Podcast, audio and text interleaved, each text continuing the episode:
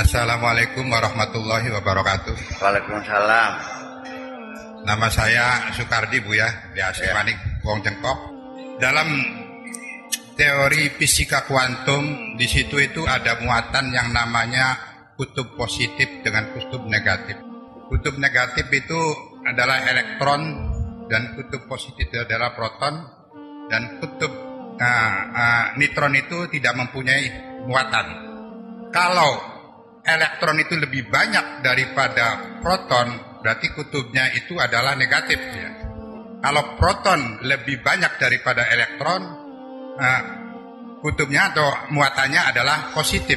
Nah, kita di antara kita itu adalah nitron. Nitron itu tidak mempunyai muatan. Ketika proton dengan nitron itu lebih banyak daripada uh, nitronnya, makanya terjadi perubahan yang namanya perubahan kimia. Perubahan. Kalau nitron itu lebih banyak dari proton, makanya itu akan terjadi sesuatu uh, yang namanya sifatnya radioaktif atau uh, isotop. Nah, yang menjadi persoalan kita arahnya kepada kutub ke positif dalam perilaku manusia. Nah, dalam perilaku manusia yang disebut positif ini itu bukan ter, bukan terpikir kita pada perilakunya, mungkin dari perilakunya, mungkin daripada uh, mungkin dari pola hidup atau pola daripada kan. Itu barangkali begitu. Penjelasannya gimana itu bu ya? Mungkin itu dilihat daripada uh, keilmuan disangkutkan dengan agama. Begitu. Terima kasih bu ya. Iya. Jadi begini itu kalau sudah bisa tentang fisika kuantum nanti itu kan nanti ada aturan-aturannya. Ditinjau dari sisi ini disebutnya istilahnya isomar. Kalau ini namanya isobar. Kalau begini namanya isotop. Ya kan? Itu udah kaidah-kaidah yang sudah dijelaskan. Yang paling penting mah begini bahwa positif dan negatif itu selalu ada di mana-mana.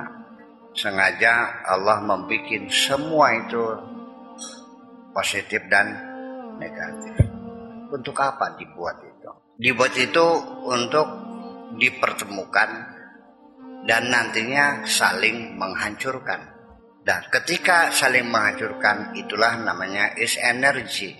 Ya, tanpa ada positif maka negatif tidak ada artinya. Tanpa ada negatif positif pun tidak ada artinya.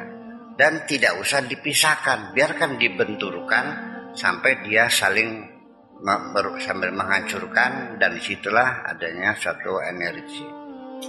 Uh, Kenapa Allah bikin itu? Ya itulah that is the game. Itulah satu permainan. Maka kalau di dunia tidak ada orang jahat, Anda tidak mungkin jadi orang yang baik. Jadi kita kita bermain ya dari hukum alam ini kita bermain cantik lagi. Kalau ada seorang perempuan yang diberi Tuhan paras yang cantik jelita, itu harus berterima kasih ketika ada orang jelek yang dekat dengan dia. Jangan lalu dengan sombongnya jangan dekat-dekat nanti jeleknya nular gitu. ya, ya goblok gitu. Iya. Kalau kalau kamu kondangan ngajak sehari ini ya kamu jelek jadinya. Kalau kondangan ngajak bitarmi. Nah, kamu cantik.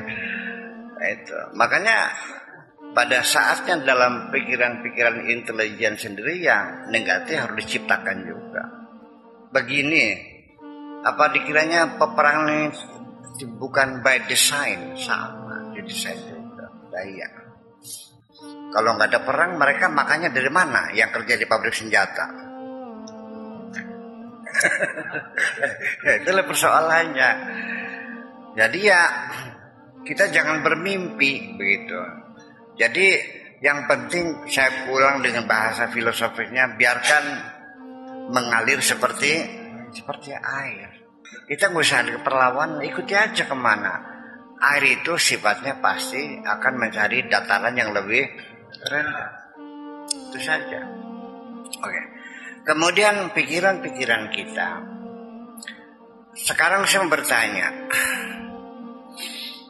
Sufi dengan fakih ya kalau sufi itu ibaratnya seperti air danau yang jernih ikan-ikan mas yang apa beraktivitas, kejar mengejar, semuanya kelihatan. Sampai batu-batu semuanya kelihatan. Enak gak? Tapi kalau pikirannya fukoha fakih itu butak letrak. Kayak sungai Cimanuk musim hujan. ya. Tetapi juga ada keistimewaan bahwa air yang mengalir tidak akan pernah berbau busuk sekalipun membawa bangkai-bangkai setiap hari. Ya kan?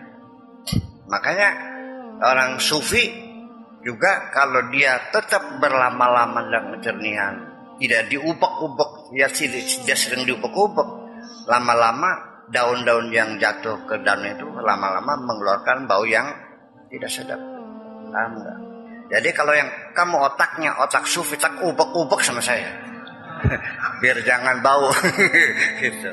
Jadi itulah makanya kita mencoba berpikir semua ada positif ada negatifnya. Ada baik ada buruknya. Jadi yang tradisional ya silakan, yang rasional ya silakan, yang tekstual silakan. Silakan Anda melihat apa pun sesuai dengan sudut pandang Anda. Yang saya minta hanya satu, bisa nggak sih tidak bertengkar?